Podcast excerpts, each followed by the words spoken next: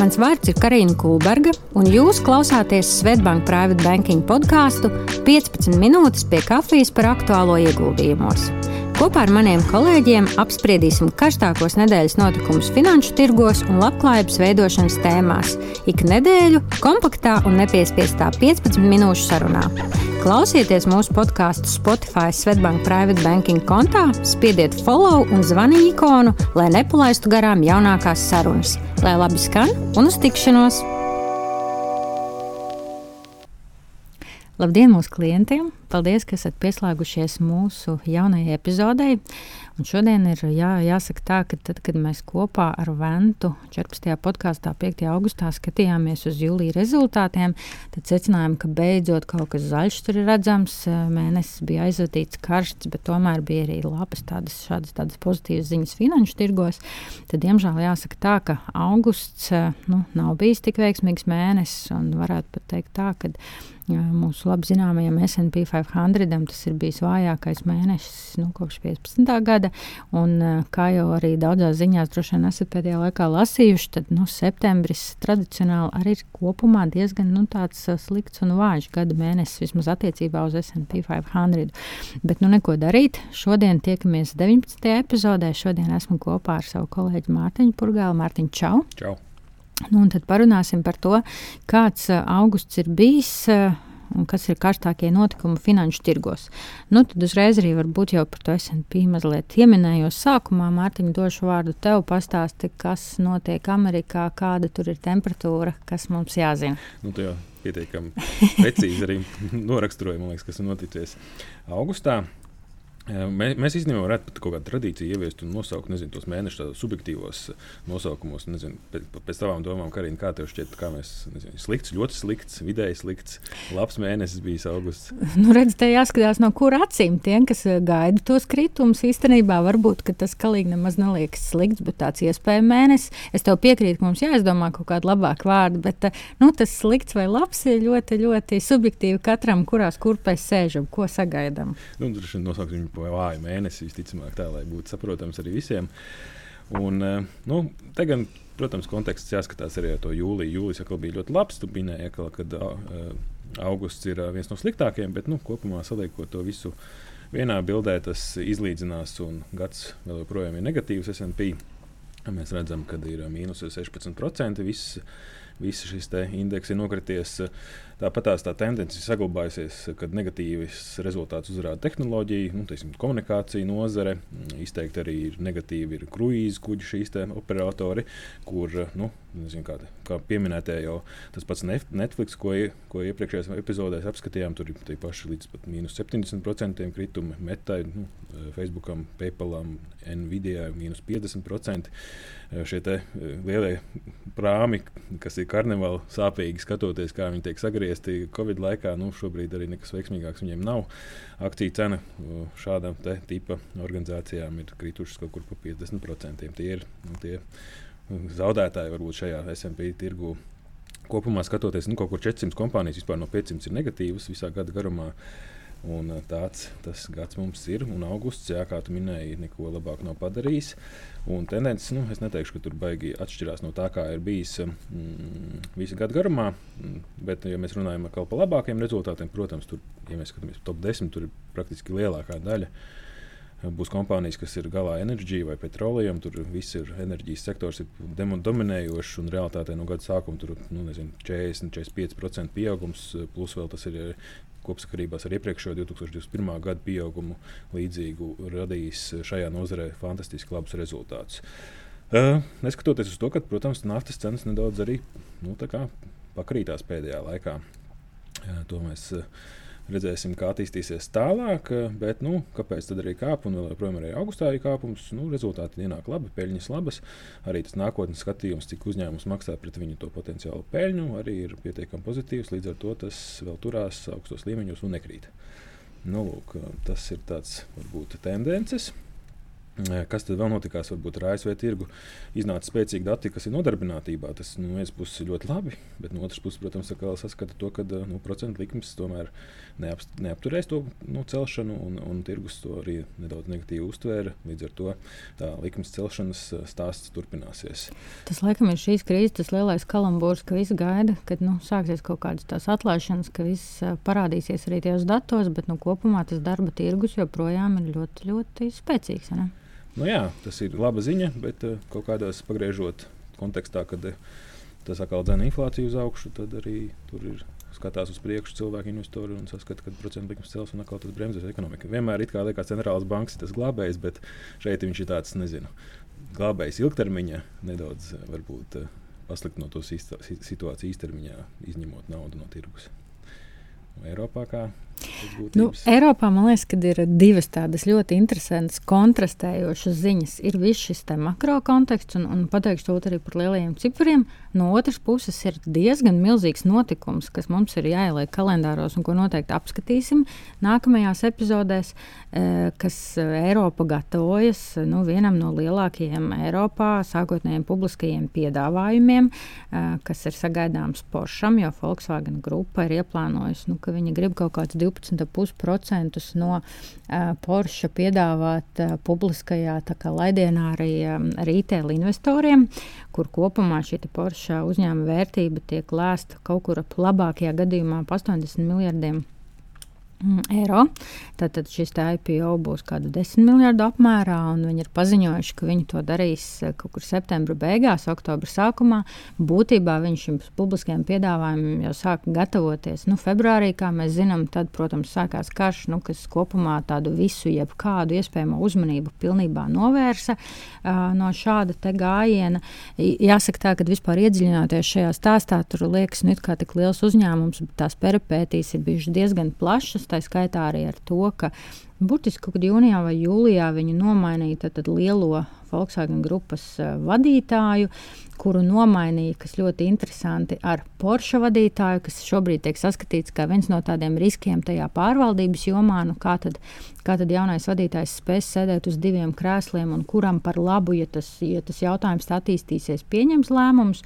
Bet nu, Volkswagen akcionāriem tas var būt iespējams pat labas ziņas, jo viņi plāno, ka daļu no šīs IPO piesaistītās naudas viņi izmaksās ekstra dividendēs esošiem akcionāriem un daļu ieguldīs, lai Volkswagen varētu daudz ātrāk attīstīt savu elektroniku elektro auto uh, biznesu un pieeju. Kā, nu, šis īstenībā patiešām būs tāds liels notikums, un uh, sekosim noteikti tam līdzi, jo tas nāk uz pēdām, nu, vai nāk tajā visā kontekstā, kas ir, protams, Eiropas stāstā, kur uh, augusta inflācija Eirozonā ne ar ko pārāk neiepriecināja un bija um, 9,1% pret pagājušo gadu.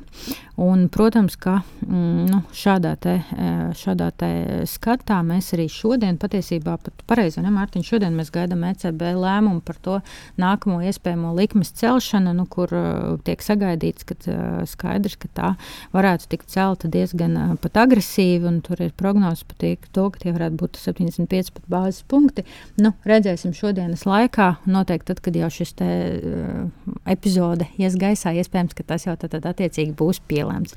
Bet, nu, ko... Tuvākajās stundās. tu, tuvākajās stundās, ja mēs varam. Pārsteigums vai nebūs pārsteigums? Jā, uh, bet nu, arī pašā teiksim, tad, uh, Vācijā inflācija 8,8% 40 gados augstākā. Reuters saka, ka nu, šis izsniegtais jaunais tad, tad pabalsta paka 65 miljardu apmērā nevarēs glābt plāno ledu, uz kura turoties Vācijas ekonomika. Saka, ka izaicinājumi tomēr tur ir diezgan lieli. Un, nu, līdz ar to, protams, arī Vācijas DAX indeks augustā krities vēl par 4,8% no gada sākuma kopā par 20%. Nu, tad, uz šāda fona tas, ko saka Porsche un Volkswagen vadība, ka viņi vēlas ar savu IPO atdzīvināt skatu uz Eiropu, uz Vāciju, uz finanšu tirgiem. Nu, redzēsim, kā izdosies. Visu ļoti pozitīvu ziņu Porsche īpašniekiem. tad varēs tagad iz, izmantot to iespēju braukt ar Porsche un teikt, ka man arī Esmu arī akcionārs. Jā, man pieder šī kompānija. Jā, nu, un tiem, kam uh, varbūt uh, Porsche pagaidām nav sanācis, tie var arī būt tomēr vismaz mazi akcionāri. Bet, nu, jāsaka tā, ka kopumā otrs tāds tirgus noteikti, ko ir vērts pieminēt, Eiropas pats sarkanākais, protams, uh, ir Polija. Augustā vēl kritums par nepilniem 9% no gada sākuma, gandrīz 31% kritums. Un, Tas ir tirgus, kas ir ar vissliktāko performanci akciju tirgū šogad, vēsturiski zemākās valuācijas. Mm, tātad arī inflācijas augustā 16,1% līdz ar to kas ir augstākā kopš 96. gada. Līdz ar to uh, Vācija tātad ar šo stāstu, nu, dati slikti, bet ļoti cer atdzīvināt tirgu ar Porsche darījumu. Nu, tad pašlaik tāda pavisam sarkanajā galā joprojām paliek arī tā skaitā Polija. Savukārt uh, Lielbritānijā, kur mums ir tātad jauna premjere Līza Tusa, Tusa Viņai izaicinājumu būs droši vien pietiekami daudz, jo arī tur turpinās gan inflācijas stāsts 10% apmērā jūlijā, gan arī ļoti, ļoti strauji augošās enerģijas cenas. Tā kā nu, darba pilnas rokas droši vien, ko viņai, ko viņai ķerties klāt. Savukārt, ja mēs bišķiņi paskatāmies tālāk uz to, kas mums izskatās un interesants ir noticis Āzijā un attīstības tirgos, tad, nu, protams, viens no interesantākajiem stāstiem, kam turpinām sekot līdzi, un iespējams arī gribam noveltīt veselu epizodi, ir Ķīnas stāsts. Un Ķīnas eksports ir varbūt tas retais pozitīvais punkts, ko mēs varam kopumā atrast šajā mēnesī, skatoties to attīstību. Jūlijā eksports pieaudzis par 18%, pēc Financial Times datiem imports par 2,3% salīdzinājumā ar pagājušā gada identisko periodu, nu, kas liecina par to, ka, diemžēl, bet, nu, iekšējais pieprasījums arī nu, neaug tik strauji. Savukārt tas, kas augustā Ķīnā noticis, domāju, arī daudz no mums sekojuši līdzi redzējuši jau karstumi, viļņi, sausumi, izraisīja dažās provincēs tādu pilnīgus elektrības pārāvumus, kā rezultātā nu, darbu bija jāpārtrauc uz brīdi, jāapstādina arī dažām rūpnīcām.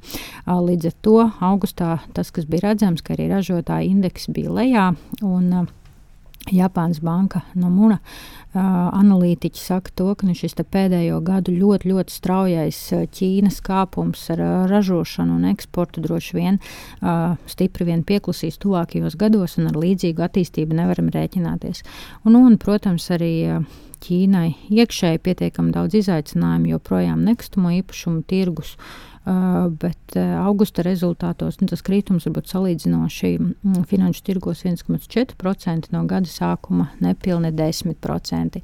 Indija savukārt ir nu, turpat skatoties, paziņojusi, ka Indija plāno apsteigt Lielbritāniju kā pasaules piektā lielākā ekonomika nākamo gadu laikā. Modi ir teicis, ka līdz 47. gadam Indijai ir jākļūst, jāiekļūst nevis no attīstības valsts, jākļūst par attīstīto valsti.